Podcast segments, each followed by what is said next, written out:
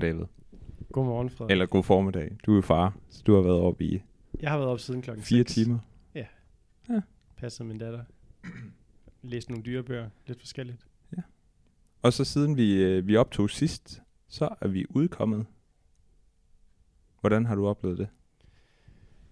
Det har da været skønt, synes jeg. At dele vores lille hjertebarn med øh, den danske befolkning. Eller i hvert fald de mennesker, der har lyttet. Øhm, jeg synes, det har været en overvældende modtagelse. Der har virkelig været mange klap på skulderen og mange beskeder. Og ja, det har bare været skønt at dele vores lille projekt her med, med andre. Og jeg glæder mig til at se, hvad det kan, kan blive til på sigt. Hvad med dig, Frederik? Jamen, jeg har det fuldstændig på samme måde.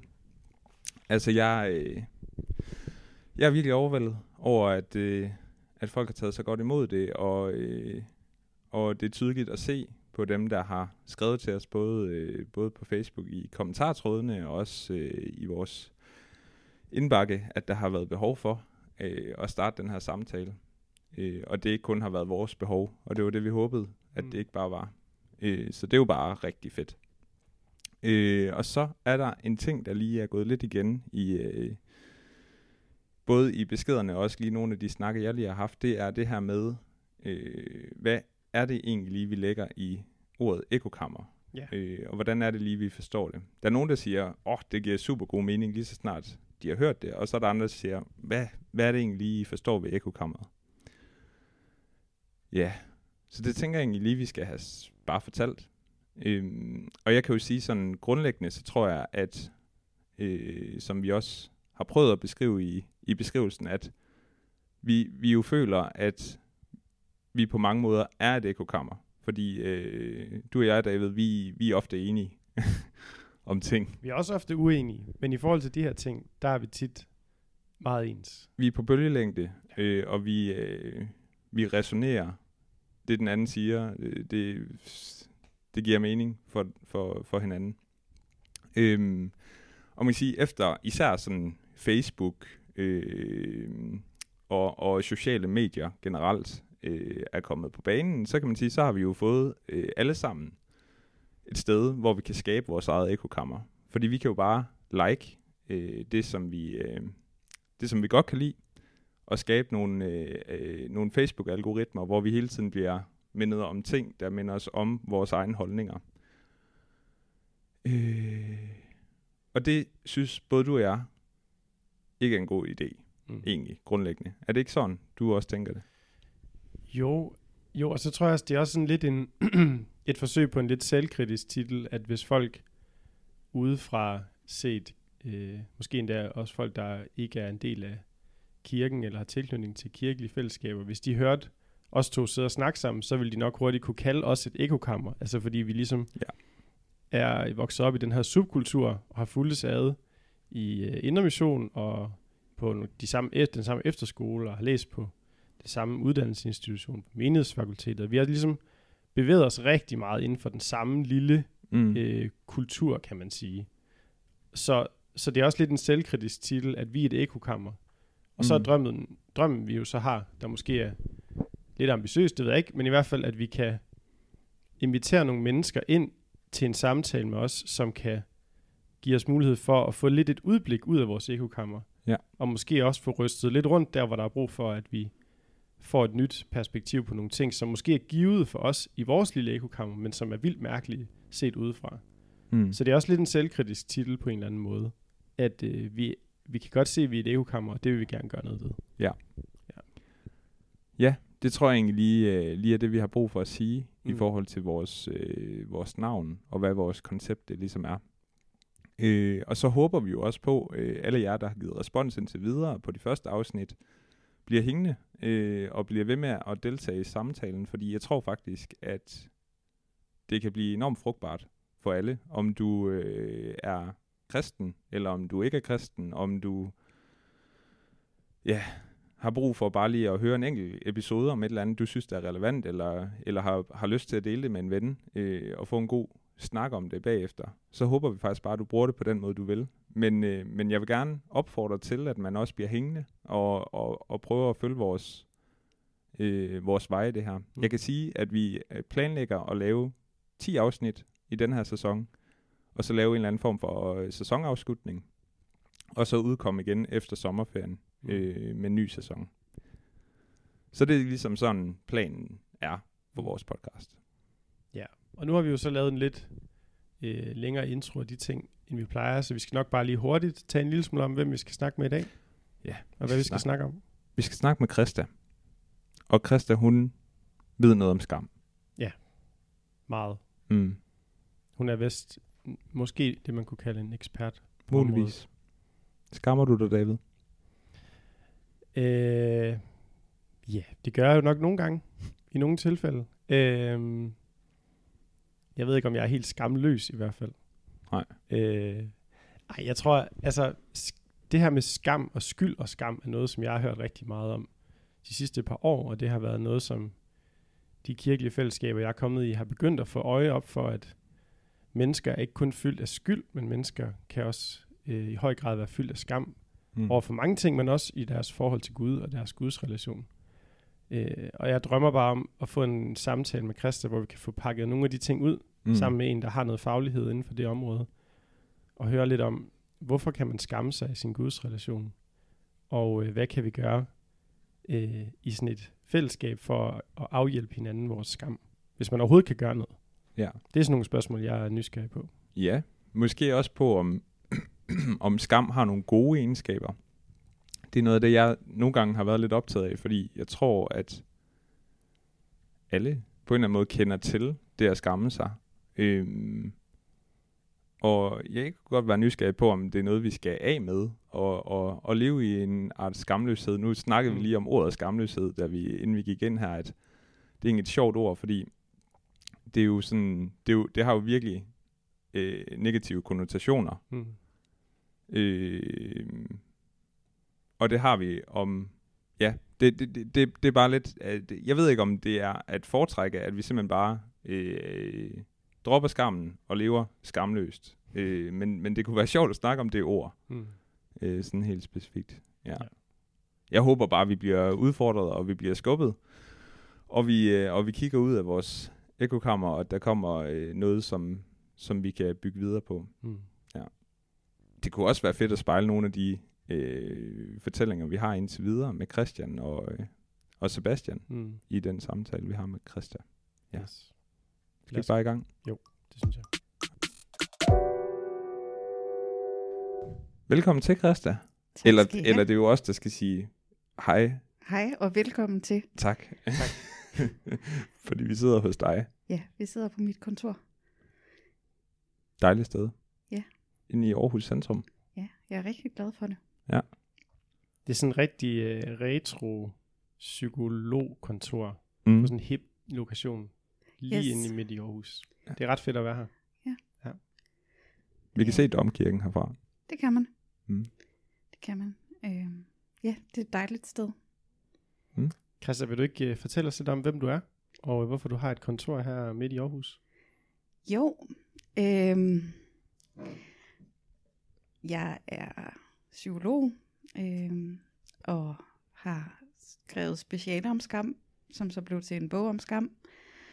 Og så har jeg egentlig siden da øh, ja, øh, arbejdet en masse med at undervise i skam og hjælpe folk med deres skam og sådan noget. Øh, blev selvstændig, da dagpengene løb ud. Øh, men øh, det er jeg nu rigtig glad for. Og øh, corona har været rigtig hård, øh, når man er foredragsholder. Men øh, ja, det er det, jeg laver. Og så er jeg vokset op. Øh, jeg overvejede faktisk lige til kund at starte med at præsentere mig som Sprints datter. fordi at det... Øh, nu er du nødt til at fortælle, hvem det ja. er. Ja. Øh, alle, der, stort set alle, der kommer i IM, ved, hvem min far er. Han Og er- I er Indre Mission. Ja, lige Indre Mission, ja, Ja. ja. lige præcis. Øhm, han er teolog og har udgivet flere bøger, og ja, sådan en underviser, som øh, ja, alle rigtig vidste, hvem var. Og jeg ved ikke, hvor mange gange i mit liv, jeg er blevet præsenteret af andre som sprintsdatter. Hmm. Øhm, og vokset op i Børkop, ligesom Christian, I havde med sidste gang. Øhm, også med noget af det samme bøvl. Øhm, Jeg tror faktisk, min storebror har fået en autograf af, af Sprint engang, Ja. fordi han var vild med hans sang. Yes. Nå ja, min far er også sangskriver, ja. Mm. Mm. Øhm, yes. Øh, det er øh, det er nemlig lige nøjagtigt, øh, sådan der. Alle har vidst, hvem min far var. Øhm, Ja. Og ja, voksede op med, at, at den IMU, altså Indre Unge, jeg kom i, jamen, alle os børn i Børkop, der kom i det kristne miljø, vi havde forældre, der arbejdede i Indre Mission på den ene eller den anden måde, og sådan, øh, så det var i hvert fald et ekokammer, øh, kan man roligt sige. Og øh, så er jeg gift med Lars. Vi har været gift i snart 12 år. Og vi har to børn. Adam på 7 og Liana på 5.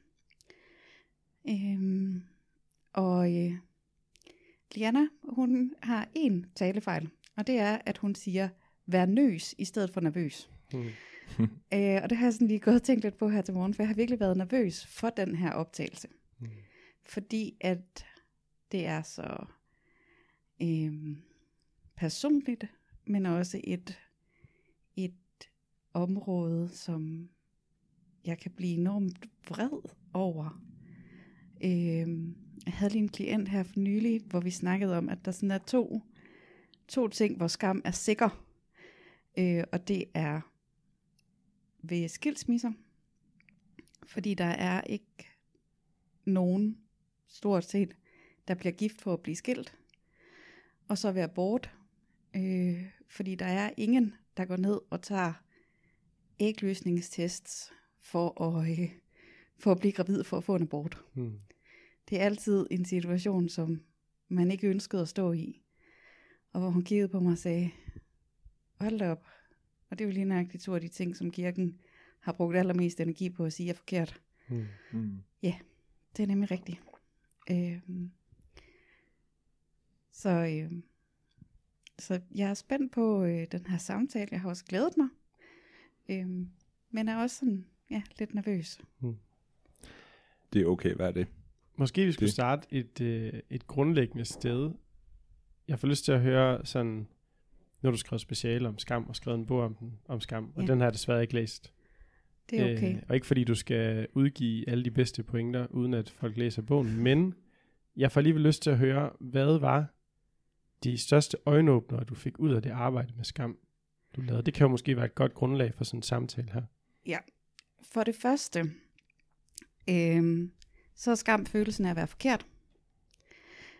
Øh, og vi, jeg blev enormt overrasket over, hvor meget det fylder i vores liv. Altså, øh, jeg, min, min mand er så glad for, at jeg arbejder med det, fordi det der halvår, jeg skrev speciale, der nærmest råbte jeg af ham hver eftermiddag om alle de pointer og alt det her, hvor jeg var sådan, hvorfor har jeg ikke lært noget om det her noget før? Altså, det forklarer bare alt muligt. Øhm, og det er rigtig vigtigt at skelne skam og skyld. Mm. Øh, sådan meget kort, så er det, at skyld, det er, når vi siger, jeg har gjort noget forkert. Og skam, det er, når vi siger, jeg er forkert. Mm. Øhm, og vi har rigtig meget brug for øh, skyld, for at kunne leve sammen som mennesker, fordi at skyld har handlingstendens. Når vi føler skyld, så får vi lyst til at gøre noget ved det. Vi får lyst til at sige undskyld og så videre. Øhm, skam derimod er handlingslammende øh, og får os til at give os til at gemme os og lyve og have dårligt selvværd og øh, have facade på, skjule sig på alle måder. Altså, øh, det, jeg plejer tit, når jeg holder foredrag, at bruge øh, syndefaldsberetningen, fordi den beskriver det helt vildt godt. At de starter med at træffe et valg, fordi at der er noget, de har lyst til. Mm. Det ser dejligt ud. Det er tillokkende. Så træffer de valget. Og så åbnes deres øjne, står der. Og det er det der med, at skam det kræver, at vi kigger på os selv og dømmer os selv. Det behøver faktisk ikke komme udefra. Det gør det faktisk ikke. Øhm, det er os selv, der kigger på os. Og så opdager de, at de er nøgne, og tænker man samme, det her, det skal vi skjule. Det er der ikke nogen, der må se. Øhm, og at det faktisk ja, det bliver smidt ud af haven, men det er faktisk dem, der bryder relationen til Gud først. Det er dem, der ikke vil dukke op til det møde, der er aftalt. Mm. Og det er det samme, der sker med os i skammen. Øh, at vi gemmer os, vi ser på os selv og tænker, jeg er forkert, og hvis nogen ser det her, hvis nogen ser mig, som jeg er, så vil jeg blive dømt ude. Mm. Så derfor så må jeg enten holde mig væk, eller lyve, eller skjule det. Og det skaber en hel masse, øh, hel masse frygt og angst og øh, ødelægger en hel masse for os i vores liv. Øh, og den er mindst lige så aktiv nu, som da syndefaldsberetningen blev skrevet ned. Ja. Jeg tror, at mit første spørgsmål øh, i forhold til det her med skam, Christa, øh, som jeg er nysgerrig på, det er, øh, og det er ikke sikkert, du kan sige det, men er der en forskel på, hvordan skam ser ud i øh, man kan kalde det sekulære fællesskaber og kristne fællesskaber? Eller er det den samme skam, der gør sig gældende begge steder? Øhm, skam knytter sig til idealer. Så det kommer an på, hvad for nogle idealer der er øh, i det fællesskab, du er. Så på den måde vil der være forskel. Øh, grundfølelsen er det samme. At vores største længsel som mennesker, det er at blive accepteret, og vores største frygt, det er, at nogen ser os, som vi er, og vælger os fra. Øh, så ja, det, altså, så ja, der er forskel på stort set alle fællesskaber. Mm. Øhm, som jeg lige talte med en anden øh, selvstændig om, så det der med, at vi klæder os også forskelligt, for eksempel alt efter, hvilken opgave vi skal ud på, øh, fordi at idealerne er forskellige, Mm. og ligger vægt på forskellige ting, så der vil helt klart være forskel der. Øh, men grundfølelsen, og den måde, det kan være på, er, er den samme. Så er der også det med, at øh, det her med at leve i begge kulturer, som mange øh, af os gør forhåbentlig. Jeg håber da virkelig ikke, at der er nogen, der kun omgiver sig med kristne. Øh, at der er det det der med, jamen, jamen hvordan kan jeg være med i begge, begge fællesskaber? Øh, som tit kan være et problem. Mm. Øh, Ja, altså, der er jo et interessant begreb der, som måske skal forklares lidt, men et begreb, jeg mødte rigtig meget i min opvækst i kristne fællesskaber, det er det her, man kalder et dobbeltliv. yes. Øhm, og det forklares jo nok netop som det, du beskrev med, øh, man kunne finde på at sige om en anden person, han eller hun lever et dobbeltliv, fordi man ligesom mente at kunne påstå, at de øh, levede på en måde i et kristent fællesskab, men så levede på en helt anden måde i et ikke-kristent fællesskab. Og jeg tænker tit, at det der ord dobbeltliv, øh, det er for mig at se forbundet rigtig meget med skam. Øh, at, øh, ja, hvad, hvad vil jeg sige med det? At, at netop det at føle, at man ikke kan være sig selv, At det er noget, man skal skjule, måske. Altså, der er noget, du, du ikke kan vise. Du kan ligesom ikke vise, vise hele pakken øh, af dig selv. mm, Er det ikke det? Mm, Altså dobbeltliv kræver jo falskhed på et eller andet plan. mm, Øh, og der er ret få af os, der har et ideal om at være falske. Ja. øh, så, så det er jo der, den ligesom går galt, ikke? Øh, men ja, det tror jeg, at der er sindssygt mange, der har oplevet. Altså fordi, at, at det her, det, øh, det trækker på det allerdybeste i os. Altså behovet for at være en del af gruppen.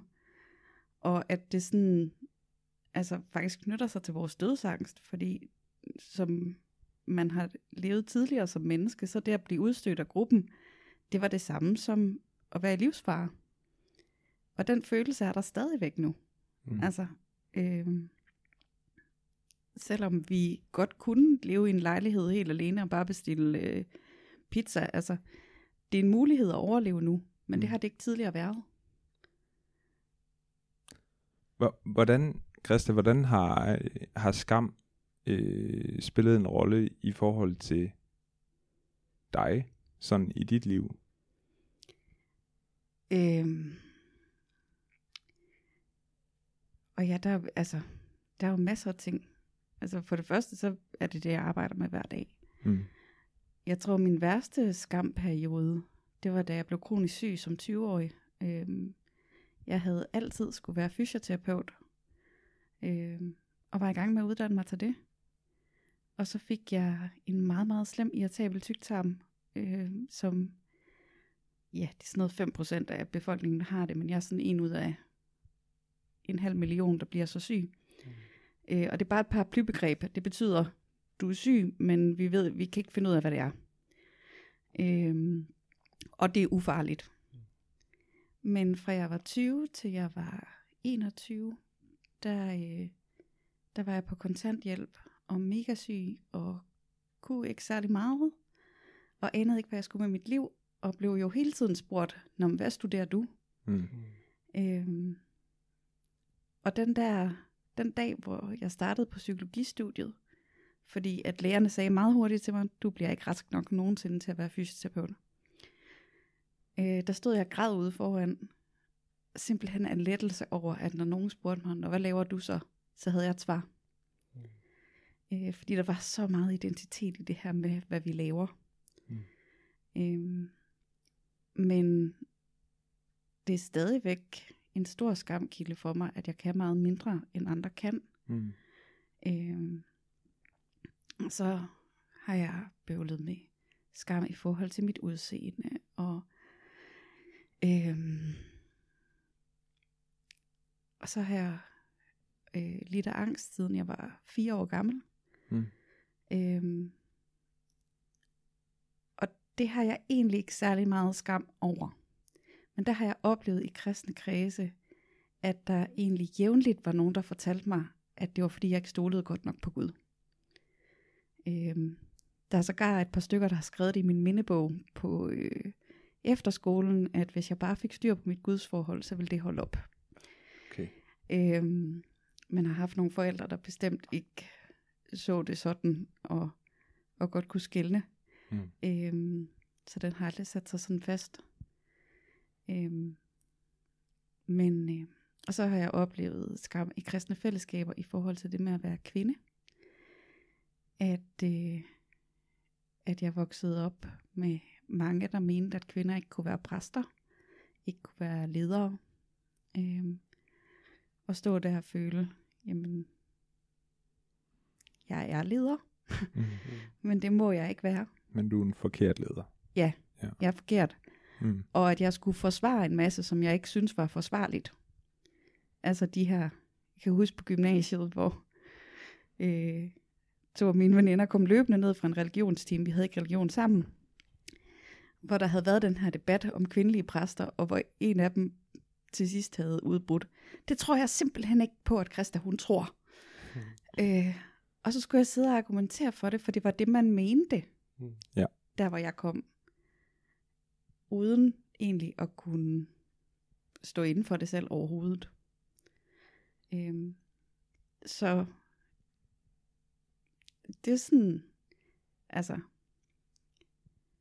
det er sådan noget af det, jeg har oplevet. Ja. Så øh, tænker jeg også på, sådan, når, også sådan, hvordan skam ellers spiller en rolle for dig. Sådan, I forhold til din... Noget af det, som når David siger det her med dobbeltliv, så kommer jeg jo til at tænke på, jamen i mit liv, der tror jeg noget af det, skam har været forbundet meget med, det også har været min gudsrelation. Øh, altså at jeg på en eller anden måde har følt mig forkert for Gud i noget af det, jeg, øh, jeg gør. Øh, og det er, jo, det, er jo, det er jo så der, hvor man måske ikke kan kalde det skyld, men også noget af den, den jeg er, øh, at der er nogle sider af mig, som, som jeg bør pakke væk, øh, fordi det ikke er det, Gud vil have på en eller anden måde. Mm. Øh, hvordan for dig har, har det her med skam og Guds spillet, Guds relation øh, hængt sammen?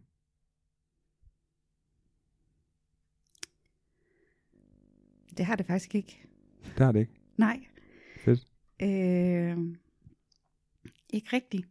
Øh, fordi at det er nok noget af det, der gør, at jeg stadigvæk kalder mig kristen, og stadigvæk tror, det er, at, at jeg er vokset op, øh, eller jeg ved ikke, om jeg er vokset op, men det er den del af Gud, jeg har taget med mig, øh, at jeg oplevede, at min far hver morgen bad morgenbøn med os, og det, der gik igen, øh, det var altid at slutte af med tak, at de nåede af ny hver morgen. Mm. At mit gudsbillede har nok været rigtig meget det her med, at der vidste jeg, at jeg altid var velkommen.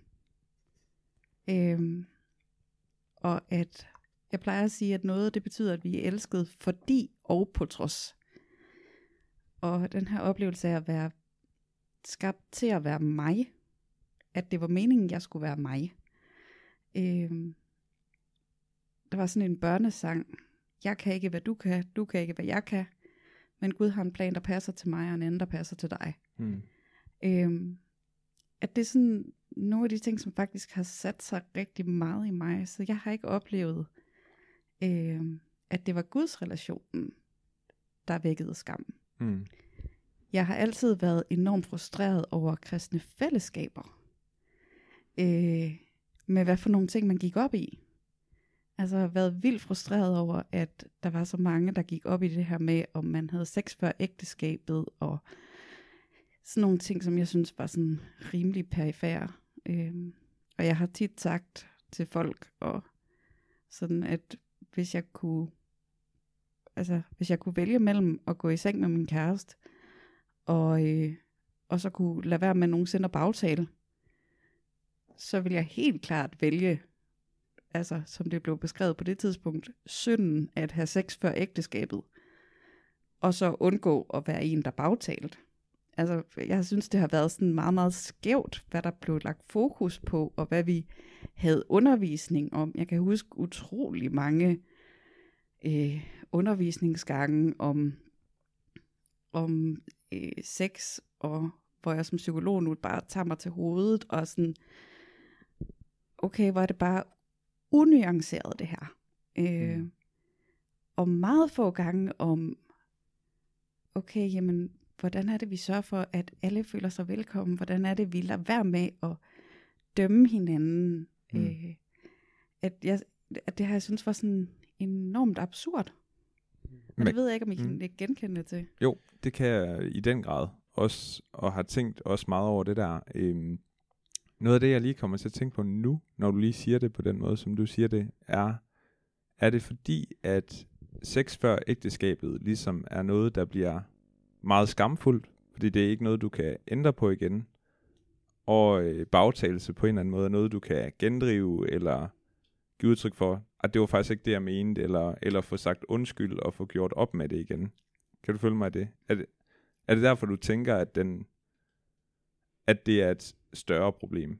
Øhm, Jeg tror, det er noget kulturelt. Ja. At der har været et behov for at, øh, at, at, at adskille sig øh, på nogle måder. Og ja, der har helt klart været den her, enten er du jomfru, eller også er du ikke jomfru. mm øh, igen, som jeg synes er komplet åndssvag. Øhm,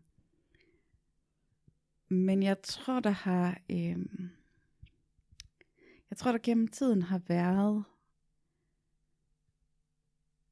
sådan et behov for at, at netop opleve den her adskillelse. Og så at sige, når du er kristen, så drikker du ikke. Når du Mm. er kristen, så har du ikke sex før ægteskabet. Når, altså sådan nogle ting, øh, som ligesom har været nogle tydelige parametre, som man kunne holde fast på. Ja. Nogle værdier. En frygt for, at, at værdierne forsvandt. Øh, jeg er ret uenig i dem. Øh, men jeg tror, at, at rigtig meget af det, der gør, at vi holder øje med hinanden på den måde, det er den her frygt. Øhm, Mm. Øhm, noget, som, noget, som vi lige nåede at snakke om inden, Christa, øh, som falder godt i tråd med det her, det er en, en refleksion, som jeg har haft rigtig mange gange på bagkant, når jeg har hørt om, hvor meget skam øh, fylder hos unge kristne mennesker, øh, og også har fyldt i mit eget liv. Øh, og det er den her spænding mellem noget ind i mig tænker, hvordan kan folk skamme sig i et kristent fællesskab? Fordi vi hører konstant om, at Gud elsker os præcis som vi er. Mm. Øhm, og, og noget jeg tænker, det er, øh, at der er en eller anden vildt svær spænding i, at vi hele tiden hører om, Gud elsker os lige som vi er. Noget er ny hver morgen. Mm. Sådan det, det omkvæd, det har jeg hørt til hudløshed. Men samtidig, så ofte så vil vi gerne tale med hinanden om, hvordan skal det gode liv se ud. Øhm, og, og jeg tror meget velmenende undervisere har sagt, øh, sådan her skal det gode liv se ud. Ikke for at pålægge folk skam, men fordi de oprigtigt har gjort det af kærlighed til dem, de har talt til. Jeg tror, at det her er den måde, som, som det gode liv udfolder sig på. Øhm, og jo også med en eller anden idé om, at det er Gud, der har vist os, at det er sådan, det ser ud. Så er det muligt at både tale om, at vi elsker, som vi er, og noget er ny hver morgen, og samtidig tale etisk med hinanden? Øhm, eller, eller kommer vi til helt automatisk at pålægge nogen skam, så snart vi går i gang med at tale om etik? Øh, Jamen, ja. hvis vi så bare talte om det. hmm. Altså, der er jo kæmpe forskel på, at der er nogen, der kommer og holder et oplæg om, hvad der er det rigtige og det forkerte. Og så have en samtale. Altså, det er nok der, øhm, der jeg tror meget af det er gået galt. Eller sådan, eller, det ved jeg ikke, men jeg tror helt klart, det er muligt øhm, at tale om, hvad der er sundt for en, og ikke sundt for en. Men Åh, den er, altså... Det er bare så svært at tale etik på et højt, nærmest teoretisk plan Hmm. i forhold til menneskelivet. Øhm, og på den ene side, så øhm, ja, jeg tror bare, at hvis det var en samtale, frem for, altså det er meget svært at have en åben samtale, efter der er en, der har stået og holdt oplægget om, hvad der er det rigtige og det forkerte Hmm. Mm. så er det meget svært at have en samtale bagefter, hvor man siger, jeg er uenig. Hvis man sidder og føler sig forkert, og at alle andre har siddet og nikket. Øh, og måske som Christian snakkede om i sidste afsnit, eller øh, hvilken rækkefølge det nu er, Mm. det der med, at, at alle sidder lidt og faker den. Altså, øh, så hvis det er en samtale, så ja, så kan du. Så kan du tale om, og og det gør jeg jo hele tiden med folk, øh, taler etik om, jamen hvad, hvad er sundt at gøre? Hvad er godt at gøre? Mm. Øh, Så simpelthen drop begreberne rigtigt og forkert, og så tale om sundt og usundt, eller godt og skidt, eller og i det hele taget, jamen, altså det, det vigtigste er jo, at folk de ikke kommer ind og føler sig fordømt fra starten. mm. Altså, og det er jo, det er jo der, min frustration tit har ligget, at når jeg har læst, hvordan Jesus han behandlede mennesker, så kunne han altså meget nemt have taget det, som man der, hvor jeg er vokset op, ville kalde en formanende samtale øh, med øh, prostituerede og toller og det ene og det andet, men det har han faktisk ikke et behov for at gøre Mm. når han møder dem. Øh, der møder han dem.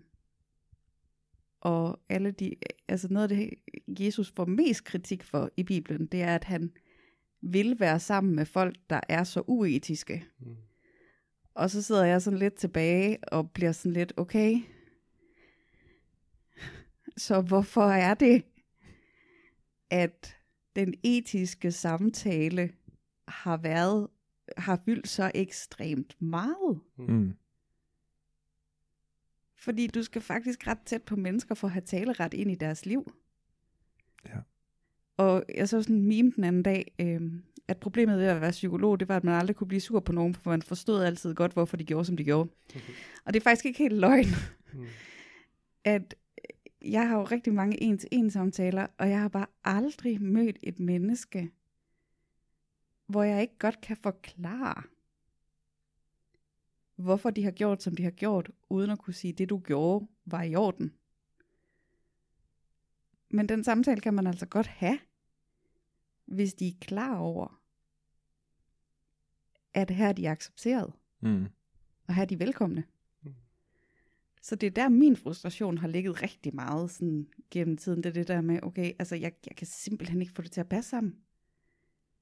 Jeg, jeg kan virkelig ikke få det til at passe sammen, hvordan Jesus kan være forbilledet, og så vi gør det sådan her. Åh, oh, der er mange ting her. Du skal til at sige noget. ja, øhm, altså nu sidder jeg i den meget øh, konkrete udfordring, at jeg simpelthen øh, i efteråret og til efteråret igen skal undervise nogle øh, kære unge mennesker i etik på øh, Børkop Højskole. Og øh, så jeg har virkelig stået i en meget konkret, håndgribelig udfordring med det her. Øh, og virkelig synes, det var svært, for jeg var så bange for, at der gik nogen fra min undervisning, som havde hørt mig sige, at de ikke var gode nok, som de var. Eller sådan, Ja. Og det har været så bange for. Og, øh, og jeg håber sådan, at hvis det sker, at de har nogle gode venner omkring dem, som kan samle op på de ting, jeg siger forkert.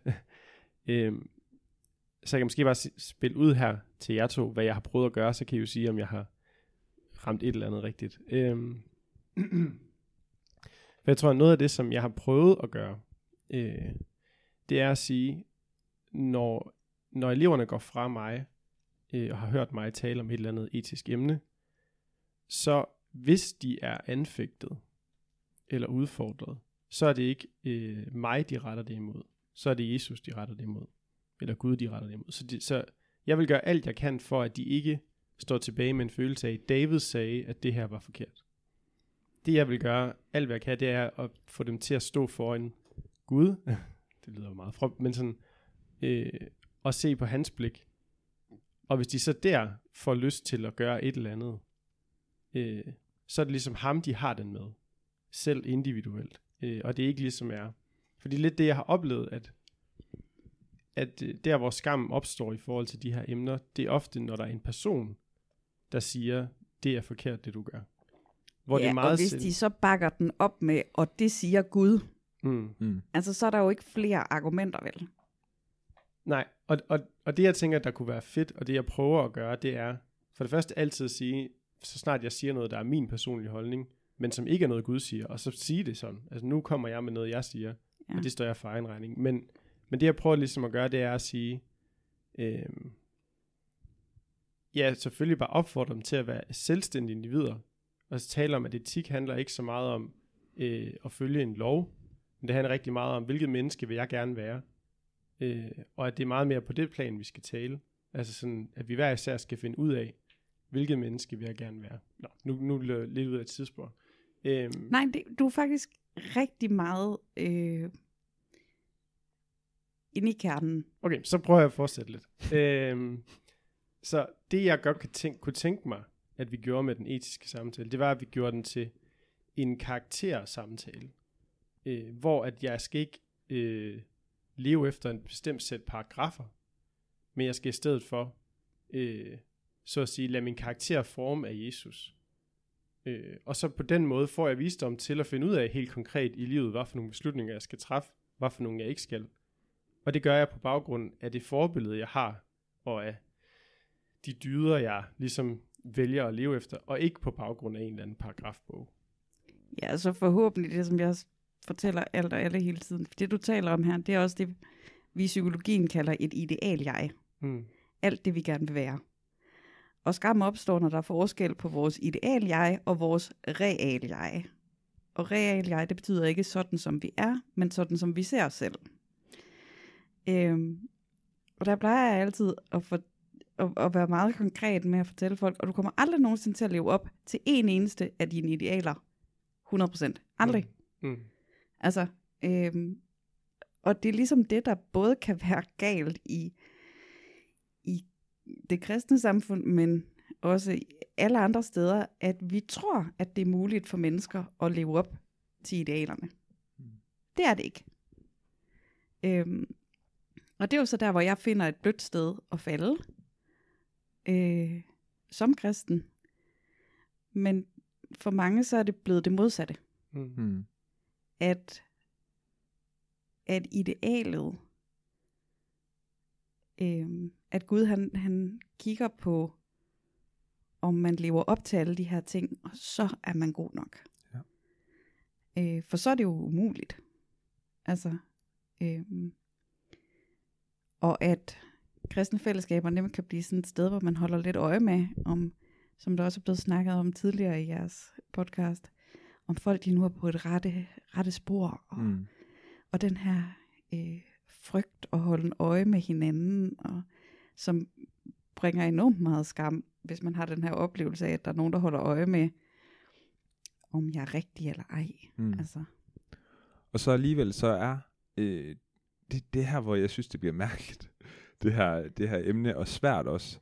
Fordi et kristen fællesskab på mange måder også er et sted, hvor vi jo har nogle, nogle normer, i hvert fald. Altså nogle måder at gøre tingene på, og, øh, og, og, og så måske også fordi de steder, hvor vi tre i hvert fald har færdes, der har det været meget, øh, nogle, nogle meget homogene flokke, hvor vi måske så også har gjort tingene meget på samme måde, og derfor måske har fået normerne, øh, fordi vi i forvejen bare ligner hinanden lidt. Øhm, men, men jeg er, jo, jeg er jo også nysgerrig på her, at når Jesus er sammen med øh, uetiske, eller mennesker, som ikke lige lever op til de normer, eller de ting, som vi normalt øh, vil sige, det, det er sådan, vi bør være, så siger han jo stadigvæk til dem, øh, for eksempel kvinden, øh, der bliver grebet i ægteskabsbrud der, hun, han siger jo til hende til sidst, gå og synd fra nu af ikke mere. Og det synes jeg jo også bare, altså hvad, hvad tænker du om det? Nu kaster jeg den bare lige op. Ja, og han siger, elsk dine fjender, og elsk din næste som dig selv. Og, øhm, og, han, og han siger enormt mange ting, som vi overhovedet ikke kan leve op til. Hmm. Men for mig, der bliver det netop øhm, altså lidt den her tydeliggørelse af, at det kan vi ikke leve op til. Er det også Og vi forskel? må gerne stræbe efter det. Der er ikke noget galt med at have mål, øh, så længe vi er klar over, at vi aldrig kommer til at gøre noget perfekt. Øhm, og jeg har da helt klart også idealer for, hvordan jeg gerne vil være. Mm. Øh, og man kunne højst sandsynligt høre den her podcast, og så kunne man sige, hun har i hvert fald idealer om det og det og det. Øh, og jeres podcast bygger enormt meget på idealer om, hvordan I gerne vil møde mennesker Ja. og så videre. Og jeg plejer tit at tale om, at alt det gode kan give skam. Altså, at vi vil gerne være gode mennesker, vi vil gerne være gode forældre, vi vil gerne være gode til vores fag. Altså, at, at det netop, altså,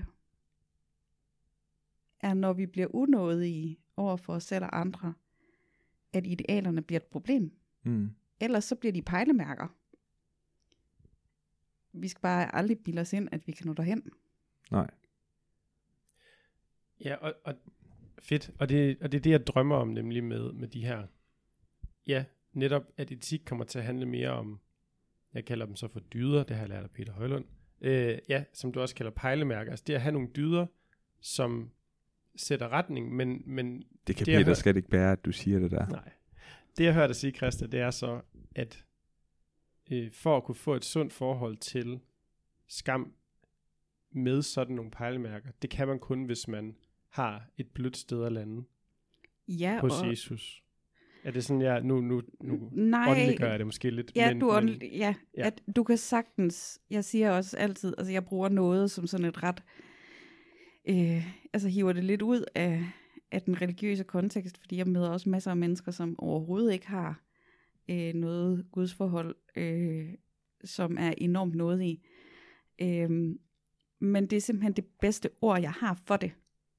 For den her dobbelthed af at, at være elsket både fordi og på trods. Fordi at, altså, man har tit hørt den der, elsk mig mest, når jeg mindst fortjener det, for der har jeg mest brug for det. Og det er meget fint, og det har vi også brug for. Men øh, hvis min mand hver dag kom og sagde til mig, Christa, jeg elsker dig på trods af alt, hvad du gør, og alt, hvad du er, så var vi altså gift. altså, at vi har virkelig også brug for, at der er nogen, der kan se kvaliteterne i os. Øhm, Mm. Min, øhm, gennem min opvækst, og sådan, så har jeg tit taget min mor, og jeg kigger på mig, og når jeg spørger hende, hvad så? Så svarer hun, jeg nyder dig bare. Øhm, og det er lige nøjagtigt den der, den har vi også brug for Mm. at, at den er der.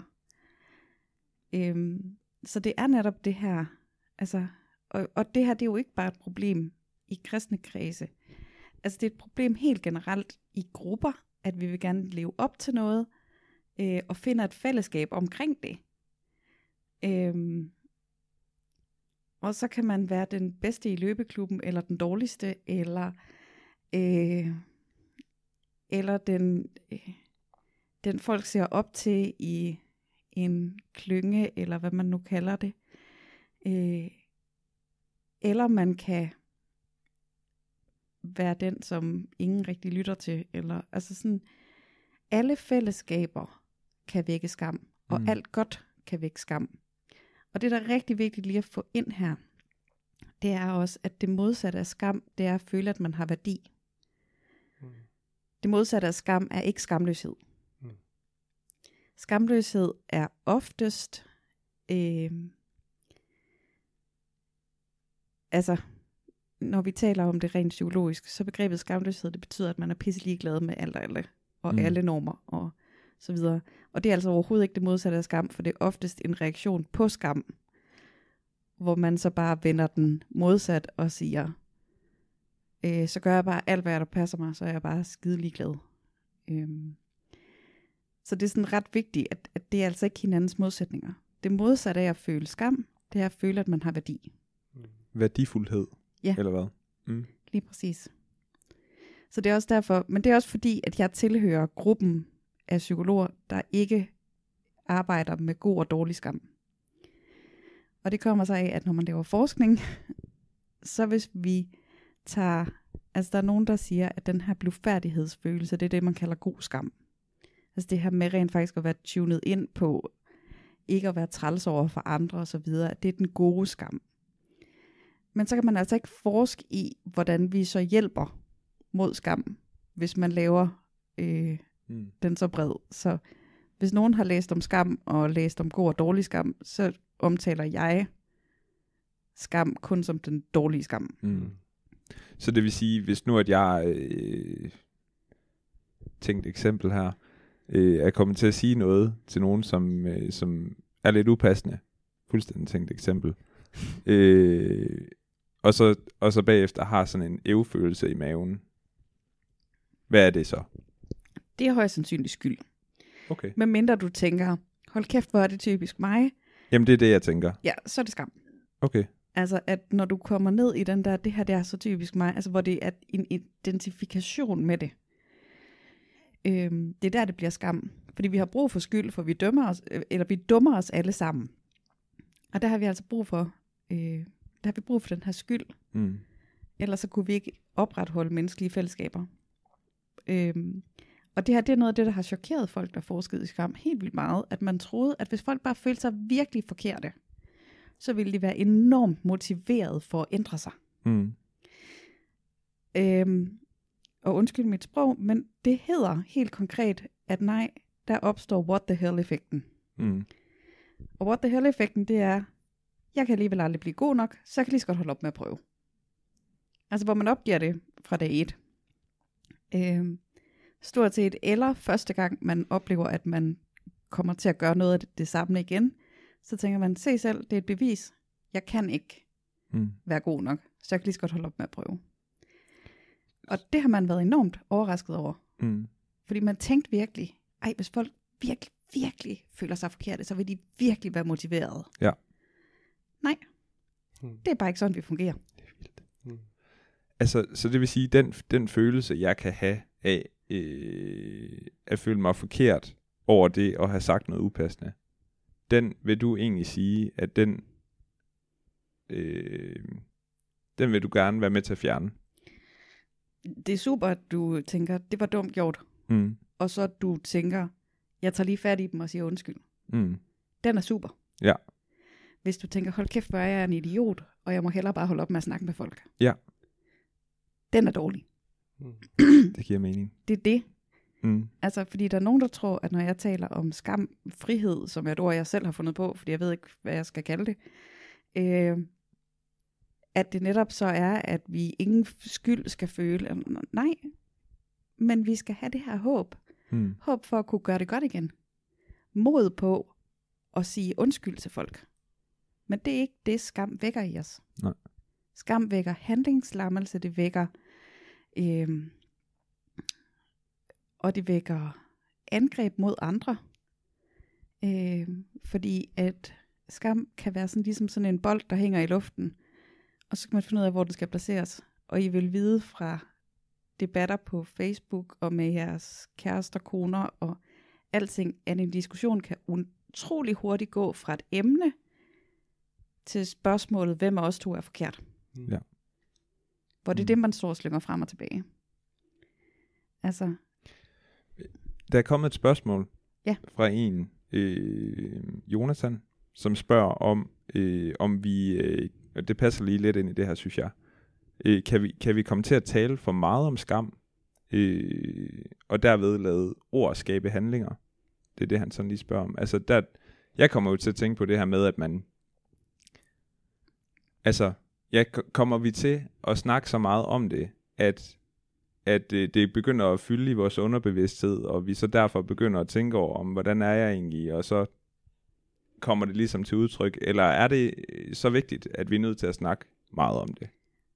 jamen, vi er nødt til at snakke om det. Fordi at folk, de går rundt og føler skam lige meget hvad. Og der er kæmpe forskel på at tænke, hov, nu føler jeg skam igen.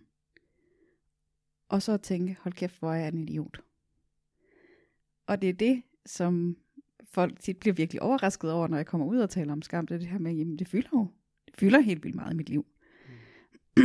øhm, jeg har bare aldrig haft et ord for det. Og vi ved godt, at når vi bliver vrede på nogen, så I er begge to gift også. Mm. I ved godt, at nogle gange, når man bliver virkelig træt af sin ægtefælle, så kan man godt tænke, hold kæft, hvor ville det være nemmere, øh, når man er virkelig vred. Men vi er vant til at forstå vrede, så derfor så bagefter, så er det ikke sådan, at vi går ind og undersøger, når vi er faldet ned igen, går ind og undersøger om, øh, hvordan det er, man bliver skilt. Fordi vi kan finde ud af at trække det fra. Mm. Skam er der, og den påvirker vores tanker i lige så høj grad. Vi kan bare ikke finde ud af at identificere den og trække den fra. Mm. Så derfor så vil vi langt oftere tro på vores skamtanker, fordi vi ikke ved, at det er en følelse. Ej, det er interessant. Så det er en, det er en, en følelse, der, Der Fungerer er i- uidentificeret. Ja, ja, og men jeg fungerer op, i sammenhæng med hjernen og vores rationelle dømmekraft, og det hele glider sammen det der. hele, vi er bare ikke vant til, at, og, altså vi, vi har bare ikke lært det. Mm. Men vi ved det godt i forhold til vrede, for eksempel. Så det her med bare at kunne gå fra og tænke, jeg duer ikke, og så til at tænke, jeg bliver ramt af skam, det er en kæmpe forskel. Mm. Ligesom man taler om det her med at sige, i stedet for, at jeg er vred, så siger man, jeg føler vrede, for eksempel. Eller altså, at man kan falde ned igen, at man kan håndtere det. Men langt de fleste, og jeg, altså, I fatter ikke, hvor mange gange folk, de siger, jeg troede kun, det var mig, der havde det sådan her. Mm. Altså, fordi vi netop ikke deler skammen med hinanden. Og det er også det, man oplever, øh, altså, øh,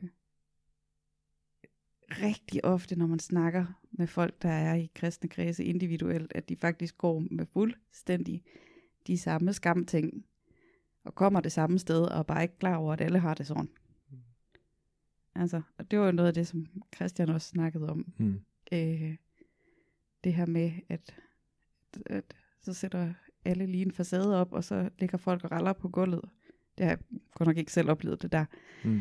Men det der med, at så når det var socialt acceptabelt at stoppe igen og bare drikke kaffe, så var det det, man gjorde. Mm. Ikke? Altså, Jeg synes virkelig, at det er... Altså det der med, at, at, øh, at skam, det er, at... Jamen, jeg synes bare, det er så smukt at tænke om skam, ligesom med vred. Jeg synes bare, det er sådan et godt eksempel. Det jeg sidder helt fyldt af. Tænk, hvis man bare kunne sige det. Hov, nu føler jeg skam. Og så kunne ligesom placere det et godt sted. Ja. Og blive opmærksom på det. Det er det, jeg laver med rigtig, rigtig, rigtig mange mennesker. Øh, og det er enormt interessant at se, hvor meget det kan rykke. Mm. Men jeg sidder også og tjener penge på, hvor meget skam kristne fællesskaber har placeret i folk. Mm. Altså, og når jeg siger, at jeg tjener penge på det, så er det, at jeg har klienter. Ja. hvor det er det, vi skal rydde op i. Det er jeg glad for, at du lige får med. Ja, lige præcis. Altså, det er ikke fordi, at det, øh, jeg, øh, altså, hvor jeg bliver så frustreret øh, over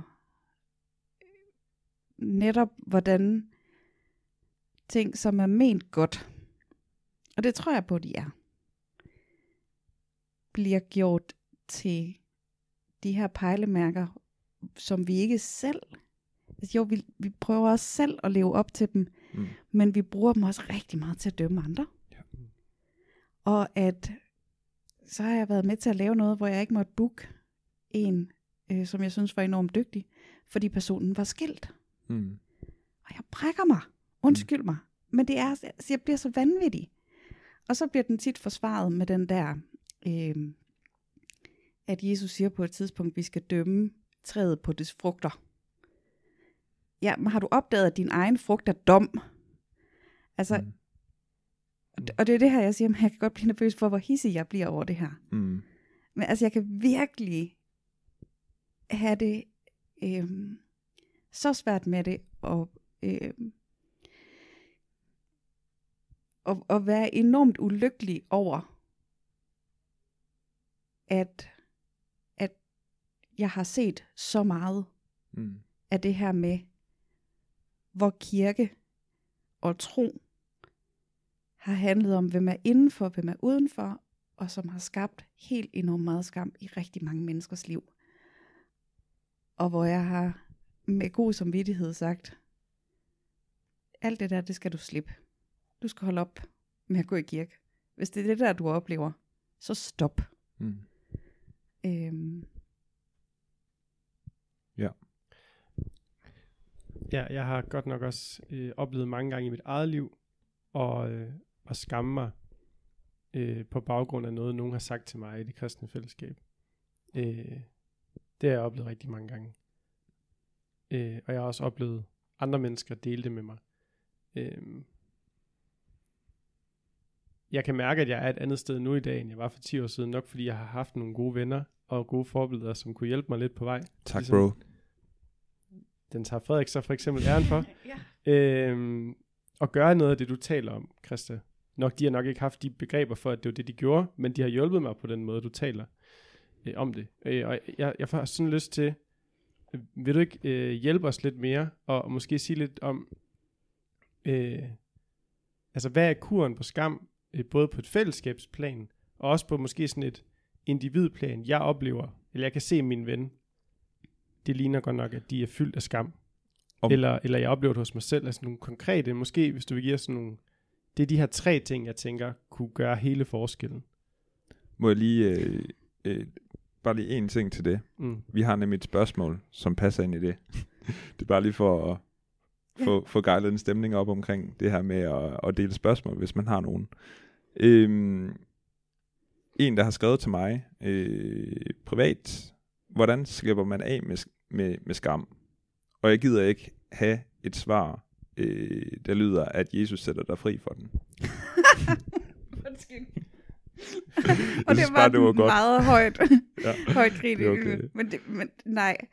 Øh, nej, det vil jeg be- bestemt heller ikke øh, øh, sige.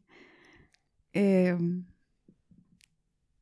i, altså, hvis jeg kunne fikse det sådan der, så ejede jeg den her bygning og lejede ikke det her kontor, drenge. altså, øhm, noget af det vigtigste, det er netop det her med at begynde at kunne skille det. Altså, det er det. Fordi vi slipper aldrig af med skam. Der er tre kategorier af mennesker, som aldrig føler skam. Og det er sociopater, psy- øh, psykopater og bestemte former for autister. Vi slipper aldrig af med at blive ramt af skam. Sådan er det ikke. Øh, men det der med at dele den med nogen, som man virkelig stoler på, øh, noget af det, jeg opfordrer rigtig meget til, det er at få skambuddies. Altså hvor man begynder at øve sig i det her. Og det kan være til forskellige dele af ens liv. Øh, jeg har for eksempel nogle morskam buddies, hvor jeg simpelthen bare kan finde på at starte en sms med skamalarm. Mm. Øh, og så skrive det. Altså for det her med at, at gå imod skammen. Men det, det, du skal ikke skrive det ud på sociale medier. Det skal være nogen, som du stoler på. Mm. Og så har jeg i forbindelse med mit arbejde og så videre, altså folk, som jeg stoler på, og som jeg kan dele, kan dele alle de her følelser af. Jamen, jeg dur jo ikke. Øhm, jeg er totalt ramt af jantelov og skam. Øhm, jeg gik totalt i baglås, da øh, det her skete. Jeg gjorde det ikke godt nok der. Jeg føler mig som verdens dårligste terapeut, øh, eller alle de her ting. Øh, at, at dem skal vi have nogle af. Og noget af det, som jeg har oplevet, hvor kristne fællesskaber netop har været øh, skamfri zone for mig, det har for eksempel været den klynge, vi har kommet i i mange år, hvor vi netop har delt liv. Og hvor jeg for eksempel oplevede, og det har også rigtig meget med de mennesker at gøre, der kom der, men det er det her, jeg sådan ville ønske, at man netop kunne opleve, at vi var de eneste, der ikke havde børn, øh, da vi begyndte. Og vi prøvede, og vi mistede to i graviditeten.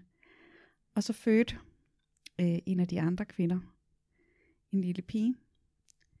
Og mens hun sad der og fortalte os om fødslen, der sad jeg bare og græd, fordi jeg var så misundelig. Og det var der bare fuldstændig plads til. Mm. At de andre kunne sagtens rumme, at jeg var glad på deres vegne. Men de vidste også, hvor stor smerte det var for mig. At det var helt okay. Altså det er virkelig sådan skamfri zone for alvor, ikke? Øhm, men det kræver tid og tillid og opbygning, og den her at vælge sårbarheden til. Og hvis der er noget, jeg er glad for sådan, ved noget af det her med jeres podcast, det er det her med, at I vælger sårbarheden til. Mm. At i stedet for at komme som to teologer og sige, øh, jamen vi har svarene på det og det og det, fordi det er skide trygt. Så sige, vi vil faktisk gerne udfordres. Vi vil gerne ikke kunne give svaret. Øh, vi vil gerne sætte os selv der, hvor vi netop er sårbare, og viser, at det her, det her, det der det havde jeg ikke tænkt på, eller jeg er faktisk helt vildt usikker på det her, og hvordan man gør det her, og sådan, altså, at det er den der, hvis vi kan nå derhen, og så er det bare sådan, at du kan ikke, øhm, vi, kan ikke vi kan ikke skabe kæmpe store fællesskaber, hvor skammen overhovedet ikke vil have gode muligheder for at leve. Fordi det, det gør den Mm. i store fællesskaber. Øhm, og sådan er det at være menneske. Mm. Og nej, Jesus sætter os ikke fri for skam. Øhm, jeg er meget mere vild med at tænke, øhm, at, at jeg er skabt, og at jeg er uperfekt, og det er sådan, det er at være menneske, end at leve efter livsfilosofien, at jeg er min egen lykkes smed. Mm. Øhm, men men det, altså, hvis troen var et øh, quick fix for vores følelser, så tror jeg, at den ville være mere populær, Mm. ærligt talt.